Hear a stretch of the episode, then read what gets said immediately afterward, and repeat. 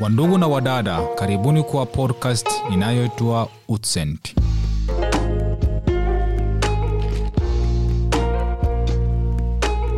Konnichiwa, podcast Utsentへようこそ Du lytter til Utsendt, en podkast fra Misjonssambandet.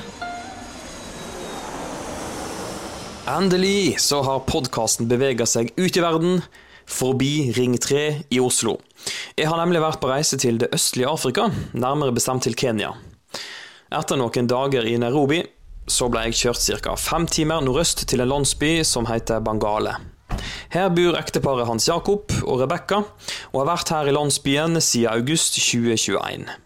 Begge er utdanna sivilingeniører, og er nå rådgivere for ulike prosjekt. Jeg fikk besøk av dem og deres to barn, tre år gamle Otilie og Mika på to år. Og så var jeg jo litt nysgjerrig på hvordan det er å drive et krevende prosjektarbeid, og ikke minst hvordan det er å leve som eneste norske småbarnsfamilie her på landsbygda i Kenya. Mitt navn er Leif Thomas Gjerde, og følgende er en samtale med Hans Jakob. Ok, Nei, men da begynner vi. Ja, Tusen takk at jeg fikk komme hit. Hans Jakob, velkommen skal du være. Hvordan er det å være norsk småbarnsfamilie her? Ja, altså Nå bor vi vel en time unna nærmeste hvite som vi vet om.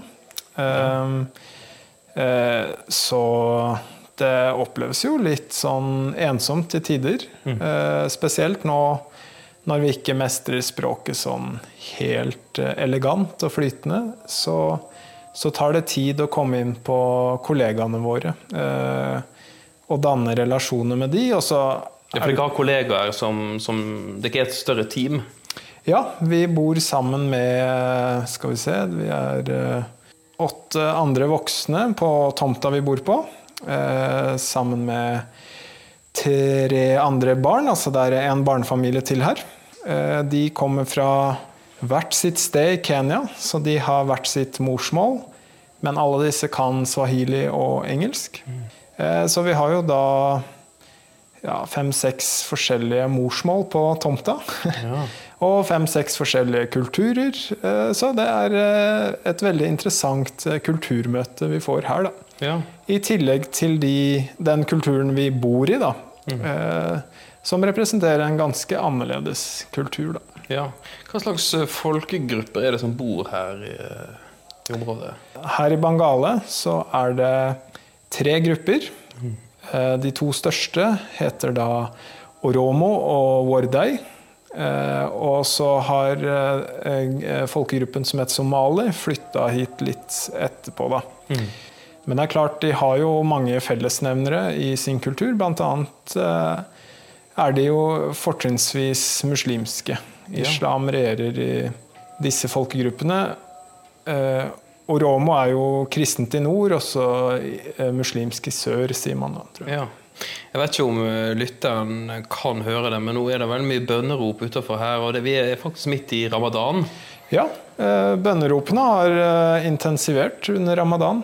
Nå fikk jeg høre fra kollegaen min at de ti siste dagene i ramadan så står de opp altså tre på morgenen, og vi hører de bønneropene, for å si det sånn. Eh, og så ber de da i tre timer fram til seks, og så begynner dagen for de da. Såpass, ja. Ja, Både menn og kvinner, eh, altså hele familien, eller? Eh, det fikk jeg ikke helt eh, spurt om. Eh, eh, de er vel litt sånn at mennene går i moskeen, eh, sånn jeg har forstått det. Og så, ja. Dere er jo sånn relativt, relativt nye på felt, da, kan vi kanskje si. det, I hvert fall her i Bangale. Men, men ja, hva, hva, hva gjorde dere de første dagene når dere kom hit? Eh, Overgangen fra Jeg har jo skjønt at eh, til og med overgangen fra Nairobi, som dere på en måte kom til først, da, er ganske stor å komme ut på landsbygda her. Hvordan var den, den første uka, på en måte? Nei, så Hvis man skal starte med at vi, når vi kom til Kenya, da, mm. så forventa vi nok eh, en eh, stor overgang i levestandard. Eh, Men så første dagen vi var her, så tror jeg vi ble tatt på kjøpesenter av eh, de andre utsendingene her. Eh, Og da fikk vi jo se at eh, ja, Nairobi har alt, da. Ja. Eh, Og så kom vi hit da, i august, eh, og vi var jo forberedt på her er det jo ikke den type fasiliteter. Men det, altså det var ikke det vi tenkte mest på. Var vel, vi var mest spent på varmen. For vi hadde hatt et besøk her i mars på det varmeste med 40 grader. Og da lå vi jo langflate.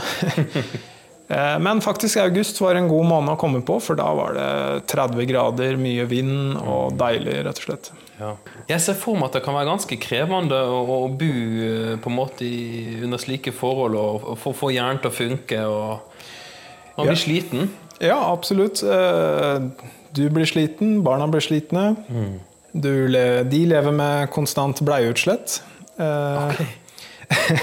Så nå eh, har heldigvis eldstejenta hun har slutta med bleier, da. Det hjelper jo på. Men eh, han minste han må slite med litt eh, utslett. Varmeutslett. Mm. Ja. Og så er det jo sånn at man har eh, faktisk to, eh, ti, nei, to timer pause midt på dagen. Da er den Ja, altså halv ett så har vi lunsj, og da skjer det ikke noe fram til to. Det er en slags pause. Spesielt under ramadan nå, så blir jo folk veldig slitne. De drikker jo ikke og spiser ikke fra fire på morgenen til eh, seks, sju, åtte-tida på kvelden. Eh, Så da er det helt nødvendig med den eh, pausen. Da tror jeg faktisk de mange sover, eller hviler. Vi prøver også å hvile, men det er litt begrensa hva du får til med to små ja. som eh, har lyst på en bit av deg. Men man kjenner faktisk på behovet for en liten lur midt på dagen. Ja. ja, det skjønner jeg godt, altså. Når, når på en måte kvelden senker seg, her blir det fort mørkt. Hva, hva driver dere på med på, på kveldstid når dere har fri? kan en ha fri 100 Eh, Nei, hva vi finner på? Vi, eh, vi leser bøker, vi, eh, vi spiller av og til spill, meg og Rebekka. spiller, eh, spiller spill, og så Rebekka begynte på et puslespill her, men eh, hun ga seg når regntida kom, fordi hun måtte ha så sterkt lys, og da kom alle dyrene og inntok eh, huset vårt. Småkrypene. Ja. Altså, grunn, altså de tiltrakk seg mot lys? Ja. ja. Så på det verste så sitter vi her i mørket, da. Så du ser gangen der. Der kan Ja. vi lukke alle dører, og så har vi et pledd foran der. Så kan vi sitte der inne og se på litt film. Da. Akkurat, ja. Nei, men eh, Hold på å si koselig. Ellers så prøver vi å trene litt og ja. Altså Denne første tida så er man ganske sliten eh, etter en dag hvor man har prøvd å stotre seg fram på swahili og forstå hva folk egentlig sier. Det kan jo være at man skjønner språket, men kanskje ikke hva som ligger bak. Eh, så det handler rett og slett om restitusjon og komme seg til å klare neste dag. Da. Ja, nemlig. Er det noe dere på en måte savner? Så kanskje sånn utenom det åpenbare, men er det noe som dere liksom Åh, dette her eh, savner vi litt, eller?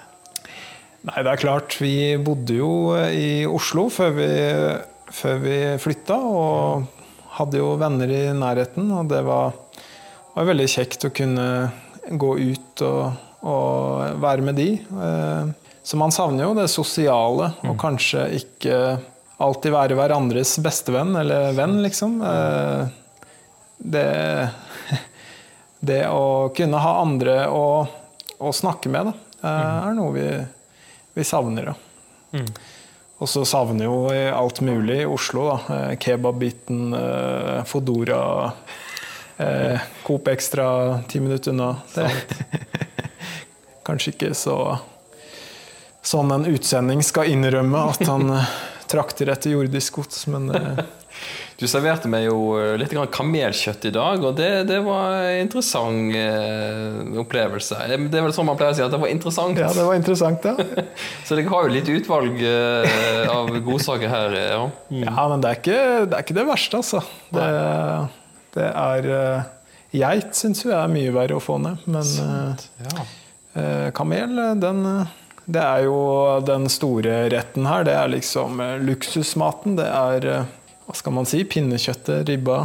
Det er det man eh, Når man har bryllup, så er det, er det nirnir, som de kaller det. da. Som er kamelkjøtt marinert eh, og dynka i olje, da. Det hadde vært interessant å gitt lytterne litt sånn et visuelt bilde av hvordan det ser ut her. Hvis jeg skal gjøre et forsøk, da. Ja.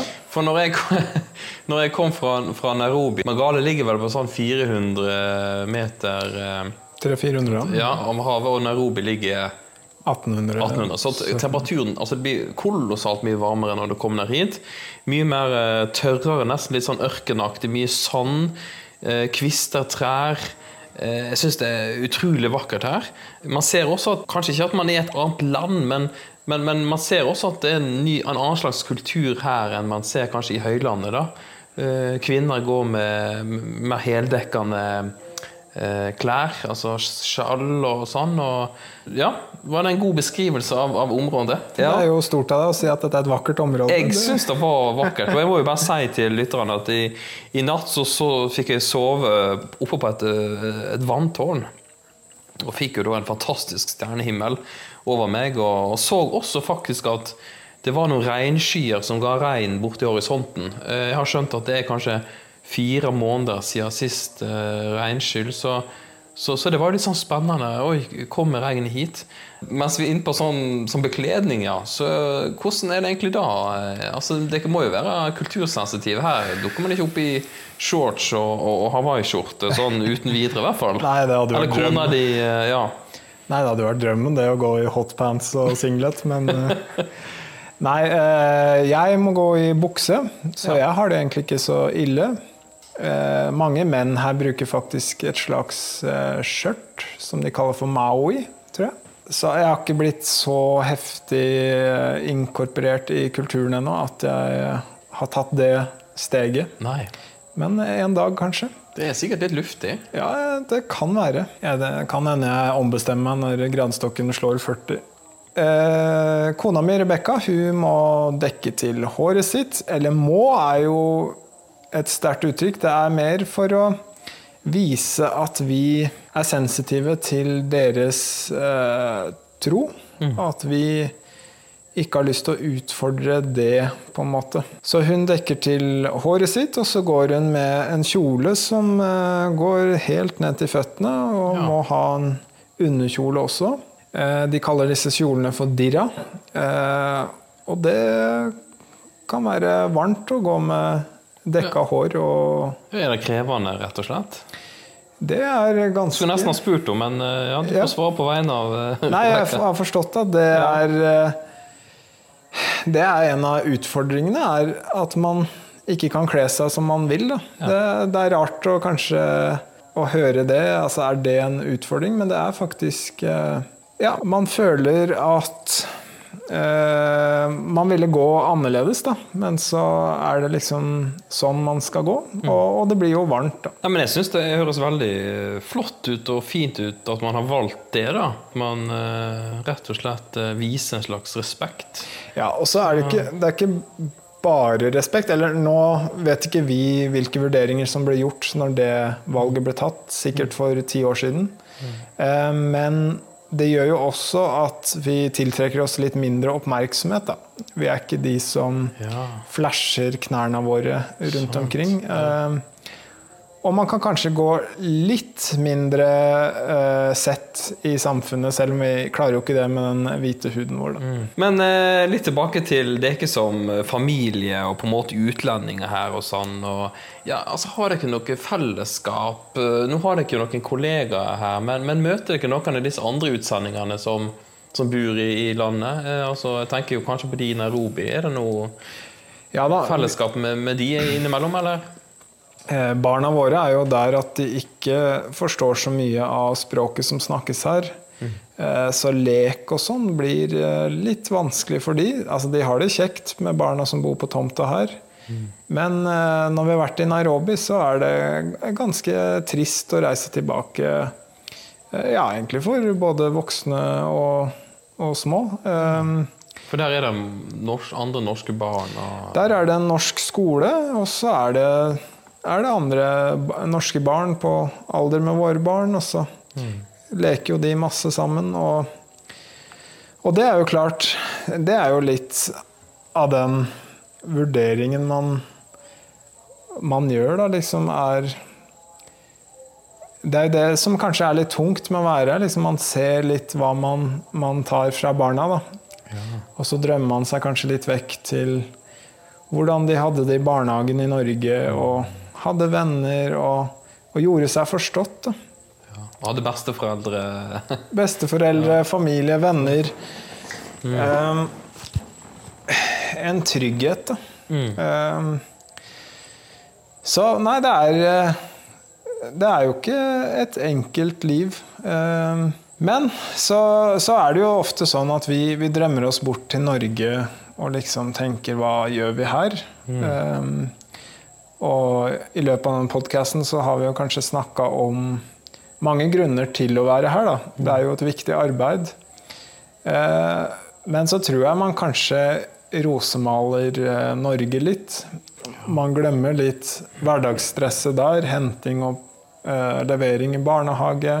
Alle planer og alt som skjedde. Og det er jo noe deilig her. Etter kveldstid så skjer det veldig lite her. Så man har liksom ikke noe man må. Eh, nå er det kanskje litt lite som skjer. Men uh, hvis man skal se på det positive, så er jo det kanskje en positiv ting. Da, at man får faktisk ro på kveldene. Men det er klart, du kommer jo i en periode som er rett og slett uh, tøff.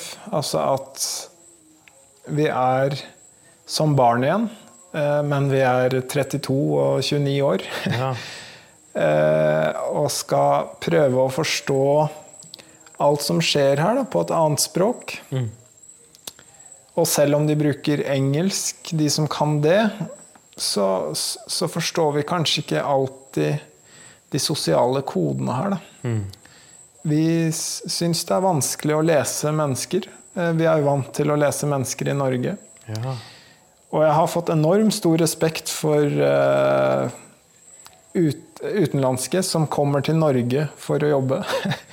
For det, det må jo være helt forferdelig å komme inn i, i norsk kontekst også. Det, ja. Ja. Så har jeg fått en åpenbaring på det. Da. Ja, ja, ja. Så, så det er ikke på en måte, jeg føler det ikke fortsatt som, som, som barn som må lære, lære å gå. Lære å gå, rett og Og så skal man i tillegg drifte en holdt på å si, familie, Ja. og på en måte varmen er her. Og, og jeg har jo sett eh, så vidt på utvalg i butikker her og sånn, og det er klart at eh, det er jo ikke så, så, så mye å, å tenke da, å få, få tak i, så det ikke må på en måte eh, kanskje dra andre plasser for å fylle opp eh, holdt, holdt på å si matsortimentet. Ja, vi må hamstre litt i Nairobi. Ja. Det, det, er en ganske mye tyngre bil som kommer hit, enn den som eh, drar når vi drar Ja. til Nairobi. Mm. Men ja, det er eh, Og så er det, det er, det er kanskje ikke så enkelt i den fasen man er i med å lære seg alt dette, og i tillegg være forelder, da. Å se dem når du selv kanskje strever litt med å eksistere, da. Fordi på en måte Kanskje vi ikke snakker om trivsel enda, men faktisk det å overleve. Det er litt den fasen vi er i, da. Vi prøver bare å komme igjennom til den dagen vi mestrer, da. Og det Man har jo hørt, og man kan jo tenke seg til, at det er vanskelig å lære seg et språk og en kultur, men eh, jeg tror ikke jeg hadde sett for meg eh, hvor vanskelig det skulle bli. da. Og det har ikke hjulpet på alle som har sagt at swahili er så fryktelig enkelt. Da. Nei, nettopp. Jeg, jeg gikk jo med naive tanker om at etter seks måneder da kunne vi språket, Ikke sant?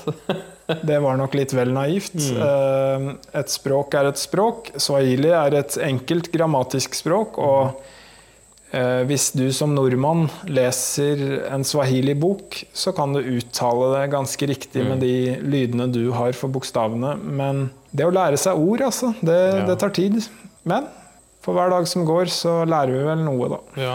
Og en ting er jo det, håper jeg, det grammatisk, og sånn, men det er jo det, det du sier med å lese mellom linjene, tolke Det er sånne ting du ikke lærer på skolebenken nødvendigvis. Så man må på en måte bruke eventuelt det lille en kan, og så sette det inn i den konteksten, og så lærer man seg nye ting. Og hvordan folk eh, Hva de egentlig mener. Så Ja, og se her- den, altså. Det vi har opplevd, er at det er mye mer mellom linjene enn det som er i linjene. Oi! Ja. Eh, Du Ja, du Det er vanskelig å forstå hverandre, da. For de er ikke, de, det er ikke alltid de sier ting rett ut. Det er mye Nei, ja, Rundt det varierer litt sånn fra folk til folk, da. Men det er mye rundt grøten, ja. Ja. Jeg trodde vi nordmenn var rundt grøten, men uh, tydeligvis ikke, da. Nå er dere de eneste hvite her, og det er, jo, det, det er ikke så lett å, å gjemme seg vekk, for å si det sånn. Og, Eh, nei, det er eh, Det er ikke så enkelt å, å gå ned til byen og bare ikke, ikke bli sett. det var en gang eh, Ja, da kjørte jeg oppover hjem fra, fra byen her, og da er det en unge som roper etter deg da 'Leta pesa!' Som betyr eh, 'kom med pengene', liksom. Så altså, det å være hvit her er jo ensbetydende med at du har masse penger. For nå, nå føler jeg at uh, dere har på en måte opparbeidet dere en viss tillit i landsbyen her, men det har vel ikke alltid vært sånn? Nei. Uh, prosjektet kom jo hit i 2012-2013. Eh, da hadde de fått innvilget et, et vannprosjekt da, med, med et eh, prosjekt altså basert på et prosjekt som hadde blitt gjort i Filto i Etiopia. Da, eh, hvor man bygger eh, vannsisterner eh, for folk, sånn at de kan få drikkevann. Samle opp regnvann, rett og slett. Eh, NLM kom for ti år siden. Sonderte terrenget, og så etter hvert så fikk man da i gang å bygge eh, disse sisternene. Men jeg tror det gikk helt til 2016 før den første var ferdig. Da. Det var litt sånn at folk her ikke er vant til hardt manuelt arbeid. De er vant med å gå med dyrene sine. Det er jo hardt nok i seg selv, men sånn Ja. fysisk arbeid er de ikke vant med, da. For det er, det er nomadekultur her. altså De vandrer rundt med dyr. Nomadekultur. Eh, man sier vel at de har blitt seminomader nå, da, siden de har mer og mer tendenser til å slå seg ned et sted, og så flytter man kanskje på menn og dyr eh, når eh, tørken kommer, da. Ja. Og disse barkadene er også med på å gjøre dem mer bofaste, da, for da har de en sikrere kilde eh, på vann. Bark, barkene det er da vannsisterner. Ja, beklager det. Barkad er et somalsk ord som betyr eh, undergrunns vannsisterne. Da. Men, men, men, men var det sånn at man Ja, altså man har bygd opp en tillit blant altså Det ikke Ja, godt Uh, Altså det ikke blir sett, sett godt på. Ja, altså For ti år siden så var det jo sånn når du kjørte gjennom her, så kasta kidsa steiner etter bilene, liksom. Okay. Ikke at det var Altså for å øh, sinne, eller Nei, litt mer sånn Det er nok en litt sånn eh, Terge oss litt, kanskje. Ja. Men nå har ikke jeg hørt direkte fra de som var der. Jeg har hørt det litt sånn via via. Mm. Mens nå, når jeg kjører eh, rundt her, så er alle smilende og vinker, og de har sett eh, fruktene av det vi har hjulpet dem med å gjøre. Da. Så vi har en enorm tillit her, og eh, det føles veldig fint å være her. Så, så absolutt har det gått fra en skepsis eh, til at eh, nå er vi i, liksom inne i samfunnet her, da. Ja. Alle kjenner til dette prosjektet. Ja, så må vi jo kanskje, Det er jo ikke alle som, som har full kontroll uh, av de som lytter, selvsagt, på, på hva det egentlig her går i. Så jeg må jo bare spørre uh, hva er liksom greiene med vann og Bangale? Hvorfor har man valgt vannprosjekt? Hvis man spør uh, prosjektlederen her, som er fra Kenya, som bor her sammen med oss, hva den største utfordringa til folka her er, så er det tilgang på vann. Da. Ja. Det gjelder jo da tilgang på vann til dyra, eh, som er det Altså det historiske til at de har flytta rundt, da, er jo på jakt etter vannkilder. Da. Fordi det regner relativt sjeldent og lite her. Ja, de, det regner 200-400 millimeter i året. Ja. Til sammenligning så tror jeg det tallet i Oslo ligger på sånn 1700-1800 millimeter. Da. Ok. Sikkert det dobbelte i, i Bergen. eh. Ja, Vestlandet Jeg tror vi har et sted i Norge som har sånn 5000 millimeter i året. da. Ja. Og hvor masse sa du det var her? 200-400. Sant. Eh, Men i Norge så har vi jo Så, så kan regnet komme eh, etter noen uker, da. Mens her kommer regnet da fordelt på to eh, regntider. Eh, Mars, april og en gang i oktober, november, desember. Da. Eh, og disse regntidene har man faktisk begynt å se har begynt å variere litt eh, etter klimaendringene sitt inntog. Ja, så man, man ser en slags eh, påvirkning av klimaet? Ja, eller ting er litt mer, mindre forutsigbart. Da. Ja, det har skjedd noe på en måte nylig, eller? Altså, det er jo litt vanskelig å forstå seg på hva som er eh, vitenskapelige fakta her. Ja, ja, ja. Men eh, det vi hører fra folk, er at, at liksom, ting er litt i endring. Da, og variasjonene har blitt større. Da. Interessant. Og disse her nomadene de har, vel, eh, de har vel holdt på med dette her i hundrevis av år og, og på en måte har på en måte, er på en måte kanskje litt avhengig av eh, forutsigbarhet på, på regn. Og, Ja, absolutt. Det, eh, det gjør jo at du kan beregne hvor mange dyr du kan ha, da. eh, Ut fra hvor fort vannkilden går tom. Eh, Hvis plutselig regntiden ikke kommer i mars, men kommer i mai, eh, så har du plutselig to måneder eh, mer uten det regnet, da. Eh, Så det er klart det blir vanskelig for dem å planlegge. De, de lever jo av dyra sine. Og, og det er jo den største inntektskilden her i Bangale. Ja. Så klart, eh, forutsigbarhet på rein er jo en stor, stor faktor. altså det vannprosjektet som du, eh, som du er med på, da, da gir jo da en slags forutsigbarhet. Ja. Kan du, eh, forklare, kan du sette oss litt inn i eh, på en måte konseptet vannsisterner? Og, Ja, ikke sant? Når vi kom hit, eh, så var det første vi gjorde, var å jobbe med den eksisterende dammen som var her. da. Ja, var det en naturlig eh, innsjø? Det var en dam som de kaller bulldoss, eh, så det bør gi en indikasjon på hvordan den ble laget. Ja. For på 80-90-tallet så ble det laga motorvei her. Og da, bruk, da gravde de masser her ved Bulldoss, da. Så det har blitt en, eh, en stor dam. eh, og det er hovedstedet hvor de, de henter vann i Bangale. Eh, og så så prøvde vi å gjøre noen tiltak der med varierende hell. Og så begynte man med dette å se på disse barkadene. Fordi hvis du får tak over det, så, så hindrer du fordampning, og du hindrer også at uh, dyr går nede i vannet, så du får jo et renere vann. Og så prøvde vi også å legge barkadene sånn at nedslagsfeltet, dvs. Si der regnet faller, eh, er et sted hvor det ikke bor mennesker, og at dyrene ikke går så mye der, da. Det er vanskelig å styre, men det er liksom ønsket, da. Eh, Så da får du regnvann som renner på overflaten, eh, og det renner inn i barkaden. Vi er gjennom sånne grøfter, da. Ja, egentlig ikke noe vi har laga. Når vi lager disse, så snakker vi sammen med lokalbefolkningen. eh, Og de vet hvor disse vannstrømmene kommer, da. Hvor, Ja. hvor, det, hvor det er lavest i terrenget. Så det er ikke tilfeldig hvor man lager disse sisternene. Dette her har dere ikke Dette forska på. Og, Ja, eh, jeg har ikke vært med på den prosessen, men sånn jeg forstår det, så, så baserer vi oss veldig på det de forteller oss.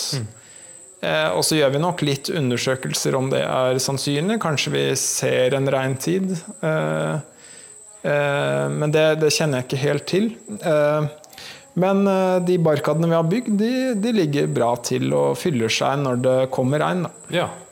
Men, men bare sånn, for den eh, innsjøen, eller den bulldoze-plassen du snakket om først, var det en plass som både mennesker og dyr eh, på en måte fikk vann? Brukt, altså Dyrene drakk av det, og, og, og, og mennesker drakk også av det og kokte mat av det og sånn? Ja, altså den er jo liksom eh, Når du går dit, så ser det jo hovedsakelig ut som en dam for dyr, for du ser geitene går ned til dammen. Kamelene går ikke ned, for de er ikke så stødige dyr, så de kan eh, dette og slå seg. Og vi veit jo fra det jeg har fortalt, at kamelen er hellig. Ja. Ja, eh, så, eh, men mennesker drikker av dette vannet, og det er jo det vi ønsker også å sette fokus på. At eh, det er jo ikke sunt å drikke vann hvor dyr har mm. gjerne gjort fra seg i. Da. Så eh, disse barkadene tilbyr jo et renere vann. Ja. Men eh, ting blir ikke alltid som man ønsker, og, og for mange eh, i, i samfunnet her så er barkaden en slags reserve. Da. Så når den åpne dammen er tom, så går de til barkaden. For barkaden har jo ikke da forsvunnet, den har ikke fordampa pga. taket vi har der. Da. ja altså sånn, de, de ser på det som en reserve mer enn en hovedkilde. Ja, eh, det vi egentlig ønsker, er jo at de bruker barkaden samtidig som den åpne dammen. Mm. men at barkaden går til drikke Ja. og matlaging og hygiene. Mens eh, den andre kan brukes til dyr og klesvask og sånne ting som ikke gjør at du får magesjau. Ja. Men får altså, Kanskje et dumt spørsmål, men, men får de magesjau? Altså eh, Ja, det er jo veldig mange som dør av vannbårne sykdommer. Altså, det føres jo veldig sjelden statistikk av hva folk dør av. Eh, og døden er jo noe man lever tett på her. Men det er helt klart at uh, vannbårne sykdommer er noe som, uh, som uh, gjør at, at eh, dødsraten er ganske stor. Da. Men eh, har de ikke fått noen liksom, tilbakemeldinger fra, fra samfunnet her om at eh, Eller har de fått noen slags åpenbaring da på at oi, dette her var Dette er spennende, dette her gir oss jo faktisk stabil vanntilførsel? Eh, Det er helt klart at folk er veldig glad for eh, barkaden. De ser at den gir vann, og at den holder på vann, og at den gir rent vann. Ehm, Og vi møter mennesker som er veldig, veldig glad for dette. Da. Det er en solid konstruksjon som er bygd solid for at den skal slippe så mye vedlikehold. Eh, Det er klart, det oppstår jo av og til sprekker i konstruksjonen og sånt, men det er, de skal holde en god del år, altså. Så det er en det, Håpet er jo at, at dette over tid eh, kan bli deres drikkevannskilde, da. Ja. Er det sånn at eh, For nå har dere jo eh, på en måte valgt ett fast sted å ha den eh, sisterna på. Er det slik at dere ser at det popper opp bosettinger rundt? Altså at folk orienterer seg rundt disse plassene, da? For det må jo være på en måte litt genialt å ha kort vei til en vannkilde. For, den, for den konstruksjonen du snakker om, jo, den kommer jo til å stå der i flere tiår. Så det er ikke det at den forsvinner. Nei, altså jeg har vært her litt for kort til å se de endringene. eh, Men jeg har forstått det sånn at steder hvor vi har begynt med prosjekt, da, eh, hvor vi bygger Barkad, så har det f.eks. kommet en barneskole, typisk. da. Fordi folk bor der over lengre tid, og da kan myndighetene også komme med en skole. Det er vanskelig å etablere skoler når barna flytter hele tida, ikke sant? Så det er jo faktisk et delmål med Barkaden, at folk kan ha vann året rundt, sånn at de slipper uh, å flytte. Da. Uh, I hvert fall uh, mødrene og barna. Så kan fedrene gå rundt med dyra, og så kan man da komme inn med helsetjenester f.eks., eller utdanning. Og det, så man gjør det på en måte lettere for myndighetene å, å treffe folket sitt da, med Ja. sine tiltak. Det høres jo veldig eh, spennende ut at en kan ja, være med Ja, altså at eh, myndighetene At man får litt sånn kred derifra. Da, at det, ok, her eh, ser vi at her er noe godt. Vi hjelper til å utvikle samfunnet. Ja, jeg er liksom litt usikker på, på det, det samarbeidet der, på en måte. Men, men det går litt sånn Det er litt sånn det er. Altså, de vet jo hva vi driver med, og de har fått se på, på hva vi bygger. Og det er også sagt dette er noe vi ønsker også, da. Ja. Eh, det, sånn jeg forstår det, så har ikke det skjedd ennå. At myndighetene har bygd barkader andre steder. Men eh, jeg har forstått at de var veldig positive til ideen. ja. Hvor mange sånne sisterner er det snakk om? Eh, nå har vi bygd eh, seks helt ferdige. Ja. Eh, vi skal legge på tak på én nå, og så plastre inni, altså gjøre den tett. Og så bygger vi et annet sted. Der har vi støpt gulvet og begynt med veggene. Og så har vi et hull som er klart til å begynne å bygge i. Ja. Så som regel så holder vi på to steder samtidig. Fordi vi er veldig nøye på at de skal bidra. Og hvis de ikke dukker opp, så dukker ikke vi opp.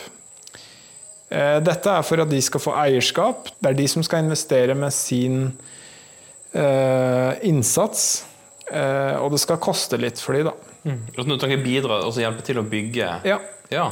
Så vi ønsker gjerne at det skal være fire stykk fra eh, lokalsamfunnet som er på byggeplassen til enhver tid. Ja. Altså frivillige, eller eh, Det er da lokalsamfunnet som utpeker eh, de som er mest egnet til det. Ja. Og så utpeker de også da to stykk som blir lærlingene våre. Eh, De skal følge hele byggeprosessen, og de, da, når de er ferdige, så, lærer de seg, så har de lært seg å, å mure og litt snekkerarbeid. Da. Eh, Så faktisk nå på et sted som heter Biåle, hvor vi har støpt gulv og begynner å støpe vegger, så har vi tatt med to av lærlingene fra et ferdig prosjekt, eh, Lebile. Eh, Og så er de med og bygger for oss, da. ja.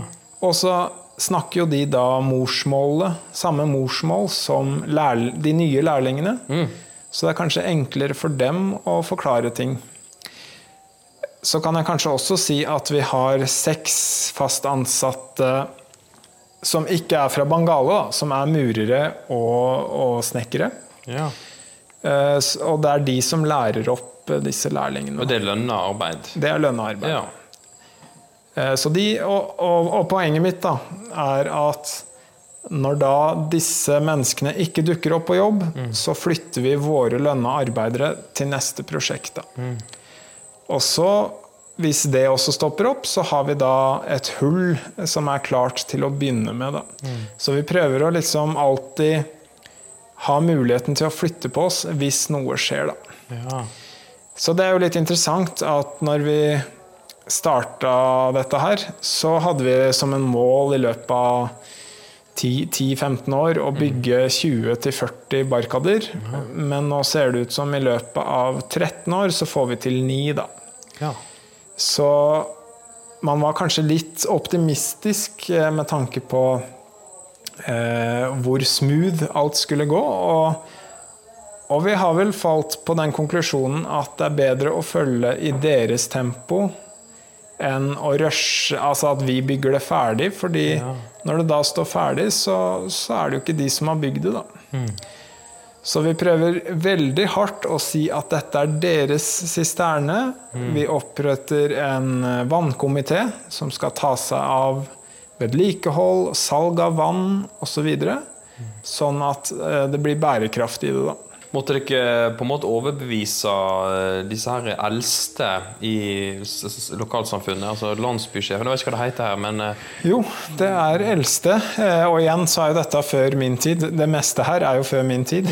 Så til dere lyttere, så eh, hvis det er noen av dere som eh, var her fra start, så, så send en mail send en til mail. eh, Ja. Så så vi, vi har da to eldste som vi har på laget vårt i, i byen, da, som er veldig glad i oss, og som vi jevnlig holder kontakt med. Da. Og de på en måte snakker vår sak inn i lokalsamfunnet. Ja, og så går vi jo til landsbyene. De, altså hvis man skal forklare kort Bangale, da, så består Bangale av et sentrum. Eh, man snakker om 17 000 mennesker. Eh, noen snakker om 25. Eh, der igjen er statistikk er vanskelig. eh, og så litt sånn Sånn typisk halvtime unna i hver retning, kanskje en time noen ganger, så er det bosetninger, da. Og det er disse bosetningene vi eh, går for, fordi de bor jo ikke i byen. I byen er det lettere tilgang å få vann, vann, eh, lastebiler med vann. Eh, Så vi går for de som har mest behov for det. da. Og så er det ikke så lett å bygge en barkad der det bor masse mennesker. For da mister du litt poenget med rent vann. da. Hvorfor det? Nei, der folk eh, bor, og, og mange i Bangale går jo bare på do der de føler for. Og hvis vannet da tar med seg det inn i sisternen, og så er det jo For det er ingen filtreringsmekanisme inn i det. Det er rett og slett regnvann som kommer inn. Eh, Bunnslam blir man kanskje kvitt eh, Ja. litt, men, men det, et- det er egentlig bare nat natu naturell, naturlig vann som kommer inn. Vi har et sedimentasjonsbasseng da, foran som skal gjøre at uh, silten og, og jorda uh, synker til bunns. Men i Bangale, hvis man har vært her eh, bare kjørt forbi, så ser man at det er et stort uh, søppelproblem her. Uh, Ja. Og plastikk, det får du ikke til å synke, da. Nei. Uh, nei, også, vi har jo ikke egentlig sett på, på det, fordi det blir vanskelig å etablere den type konstruksjon midt blant folk. Da. Jeg sitter og tenker litt på, for at, nå har vi snakket litt, litt om dette med nomadekulturen, og at de på en måte har gjort kanskje det i hundrevis av år og, og tatt med dyra, og det har blitt et levesett. Men hva nå når dere på en måte kanskje forandrer litt på det, at nå er det ikke så nødvendig å gå disse lange rutene, og har man på en måte tenkt denne tanken helt sånn ut? Hva vil det være vanskelig for de å på en måte nå plutselig ha masse vann tilgjengelig rundt, altså i en eh, kilometers avstand, når de har som nesten en slags kulturell greie at de er på vandring etter vann. Ja, det er interessante spørsmål som jeg ikke har eh, helt gode svar på. Men det er klart, man gjør jo noe med en kultur, da. Eh, Men det er jo ikke bare vi som gjør det. er jo rett og slett sånn verden har blitt, med urbanisering. Og nomadelivet er jo på en måte på vei ut, da. Hvis man skal si det sånn. Eh, Men jeg, jeg kan rett og slett ikke si så mye om hvordan kulturen er i endring, men man ser jo kanskje noen ting som er til det bedre. Da. At, at hvis du bor på ett sted, så kan kanskje barna dine gå på skole. Noe som var fryktelig vanskelig hvis du flytta fra sted til sted. Og vi ser også at skolesystemet Altså, skolene begynner jo å poppe opp også, så, så det er jo Folk får jo mer utdannelse. Og det ser vi jo veldig, at den, eh, den voksne befolkningen, de, der er det veldig mange analfabeter. Eh, Så det er jo faktisk en av de tre eh, delprosjektene vi har. Vi har jo vann, og så har vi helseopplæring, og så har vi voksenopplæring. Da. Ja, alfabetisering. At de lærer seg å lese og skrive, og faktisk litt eh, enkel matematikk. Da. Ja. Du, du tok jo meg med ut til en, en liten sånn uh, household eh, der det bodde en familie. Og det er vel kanskje det du mener med seminomader, at de uh, kvinner og barn blir der, mens mennene de drar ut uh, med dyra. Og så ble vi med bestemora, faktisk. Hun skulle, hun skulle vise oss denne sisterna. Men kan du si litt om kvinners posisjon? og måte, For det er jo, eh, det er jo et mannsdominer, en mannsdominert kultur. De gjør jo mye hardt arbeid, har jeg jo si, både sett, men også hørt. Kan du si litt mer om kvinnene sin posisjon her? Ja, eh, altså det er klart Mannen er jo eh, husets herre. Og det er nok ikke unikt for Bangale i Kenya. Det gjelder også i, stort sett i Kenya. da. Ja. Eh, Jeg har hørt folk snakke her om at eh, kona er submissive. da. At hun er underordnet. Ja. Eh, Og det er fra mennesker som ikke er fra denne regionen. Men det er klart, det er kanskje enda mer mannsdominert her. Mm. Mannen er den som jobber med dyrene og, og, og drar inn pengene, mens kona er hjemme, lager mat og, og, henter vann eh, og passer på barn. Da. Ehm, Det var en gang når Rebekka var med ut på helseprosjekt. Hun reiser da sammen med han som er leder for eh, den, det delprosjektet. Han heter Nick. Eh, og sammen med tolk, og sammen med noen andre, da. Eh, og da pleier de å ha helserelatert undervisning om å vaske hender etter dobesøk, om å unngå kvinnelig omskjæring. Eh, veldig forskjellige ting. Eh, gi kun brystmelk til spedbarn. Men denne dagen så var temaet oppvask og det å vaske opp fat og bestikk. Så da skulle de lage en dish rack, eller eh, oppvask eh, Hva kaller vi det, da? Kum? Nei. Altså putte oppvasken på til tørk, da. Oh, ja. ja. Hva kaller vi det? Jeg veit ikke. En tørkestativ? nå er det nå. Vi aner jo ikke hva det er. kanskje fra et mannsdominert samfunn, vi òg. Nei, men altså en oppvask eh, Altså en slags eh, Oppvaskstativ. oppvaskstativ. La oss bruke det. Ja. Og da er det jo Nick som har pleid å gjøre dette, vise folka hva man gjør. Men eh, denne dagen så var det ei dame fra landsbyen som eh, så Rebekka, så at hun var hvit, og så sa hun Jeg vil at du skal bygge denne. Oi.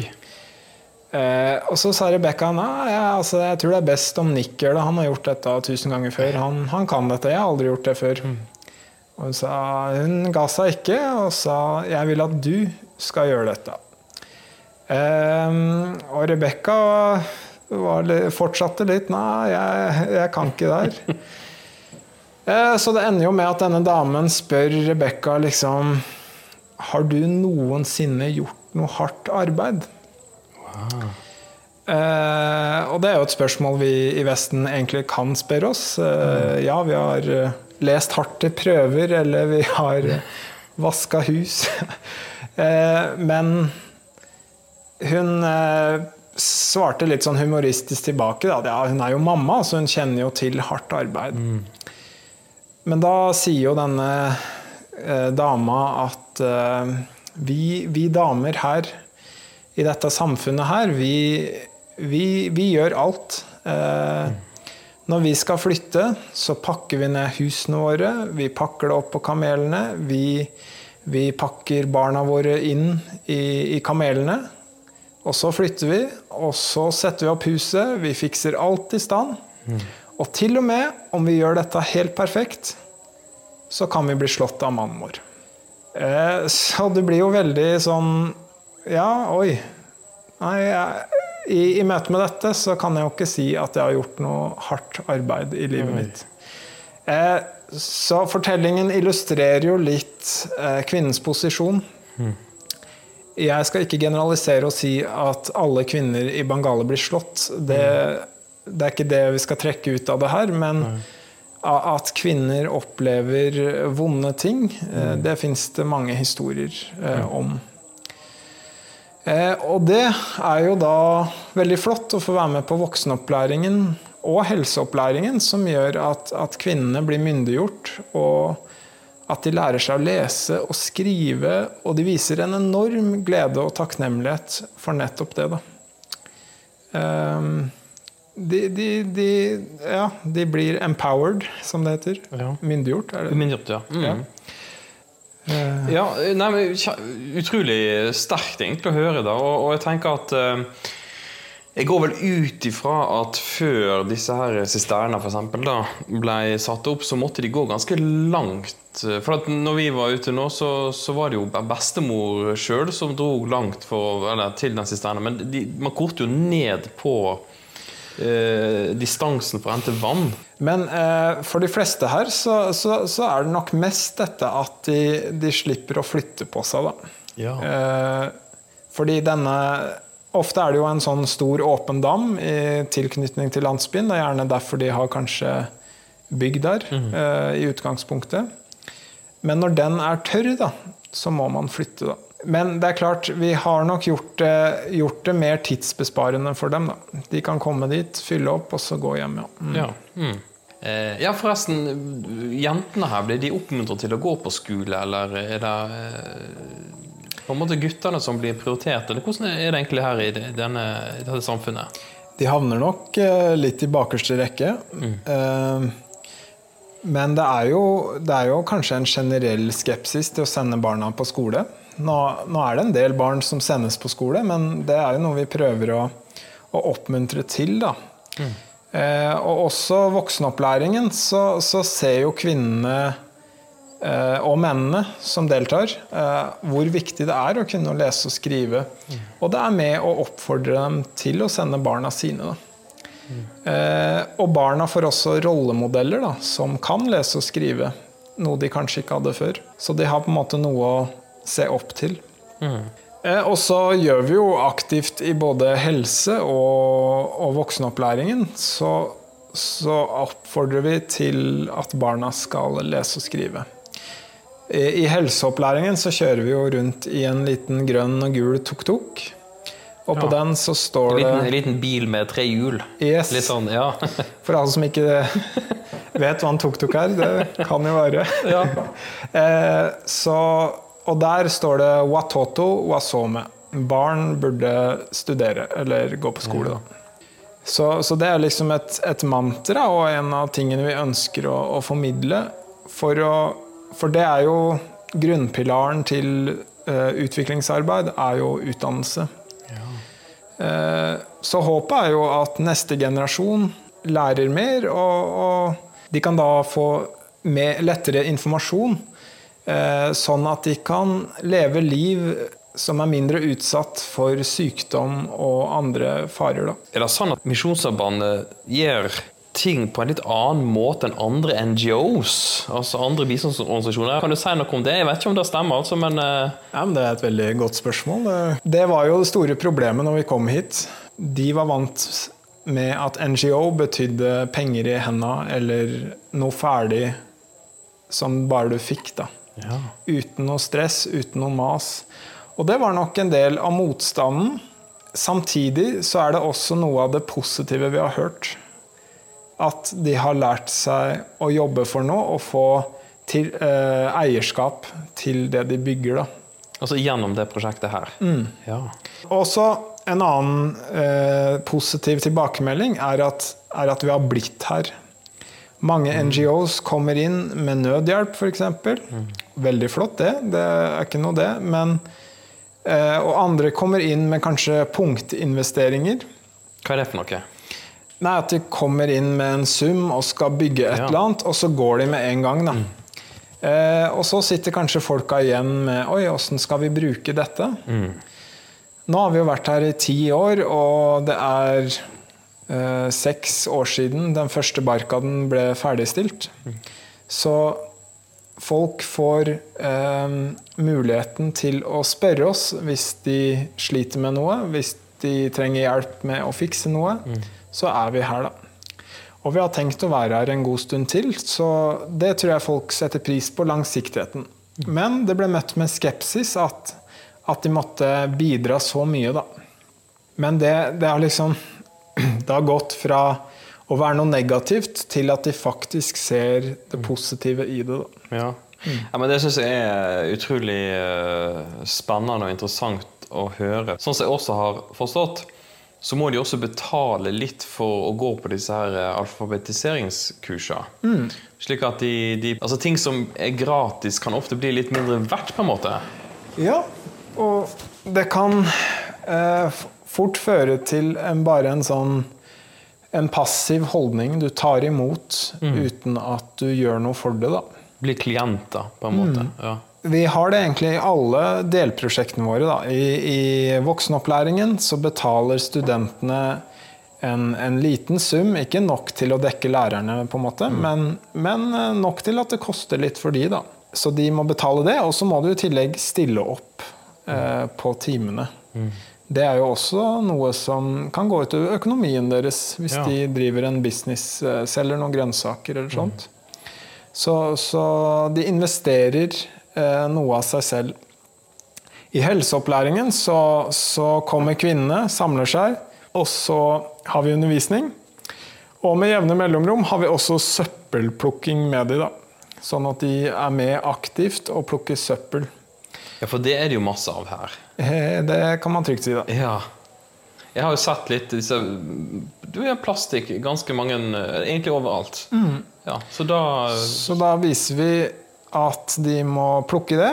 Eh, og, og hvis de da har godt oppmøte på undervisningen, altså bruker av tida si på å komme på det, og hvis de bidrar på søppelplukkinga, eh, så er premien da, det er at de får en latrine eller en utedo. da. Okay. Så det er gulroten, da. Wow. Eh, men ikke sant? der igjen så er det de må bidra for å få goden, da. Og så er det jo som vi har snakka om, vannprosjektet. Der må de grave hullet, og så må de stille med mannskap når vi bygger, uten at vi betaler de for det.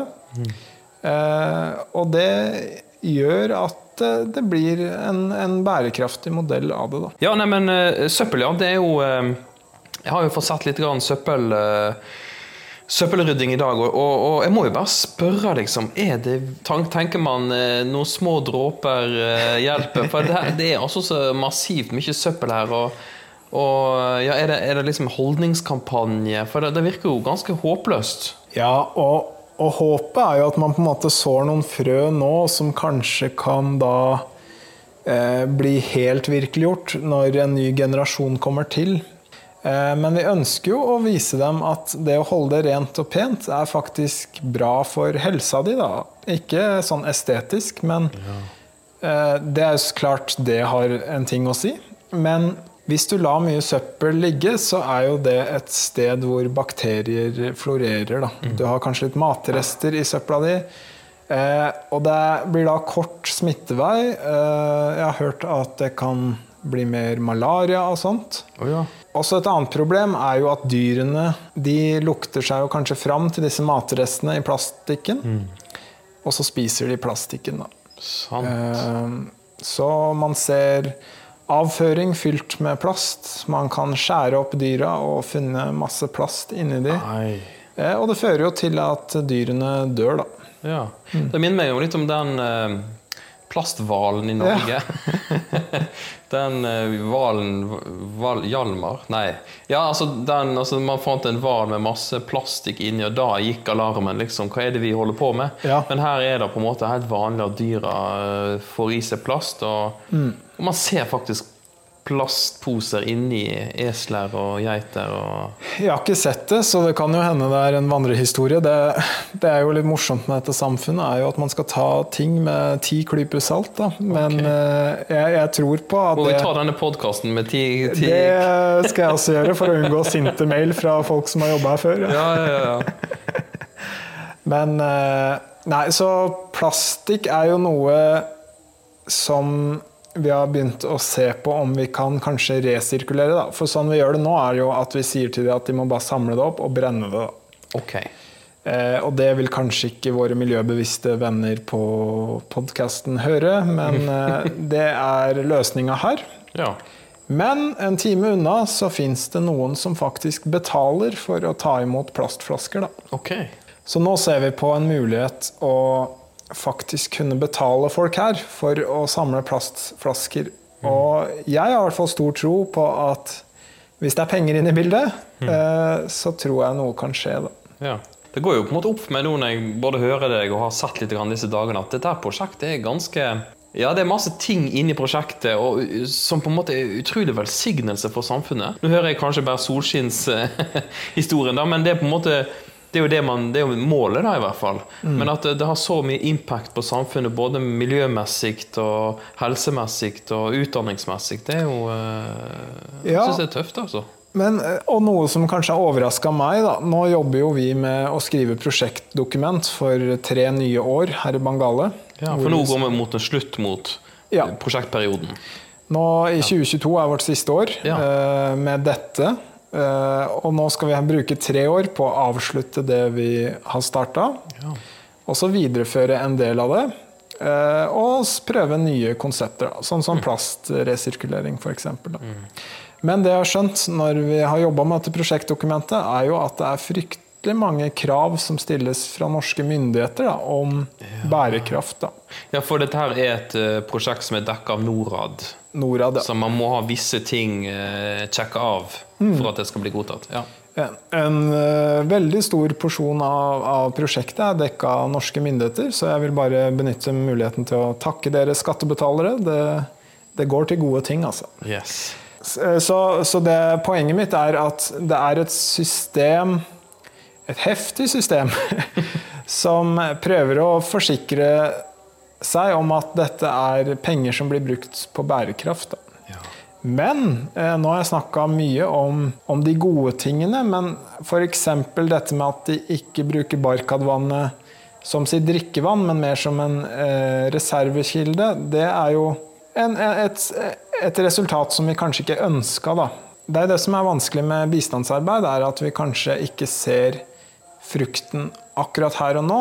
Og så er det sikkert eh, gale ting vi også gjør. Det, det er vi det må vi være ydmyke på. Det er jo klart, vi kommer jo med kanskje litt vestlige ideer og vestlige tanker, og, og så kan det, det, slå tilbake på andre ting. Da. Nei, men da, da, tror jeg vi har prata lenge og godt om, om arbeidet her. Utrolig spennende å få, få, være her, få prate med deg, få sett arbeidet. Masse lykke til eh, videre. Takk for det, og takk for at du kom så er du velkommen tilbake. Tusen takk. Gjerne.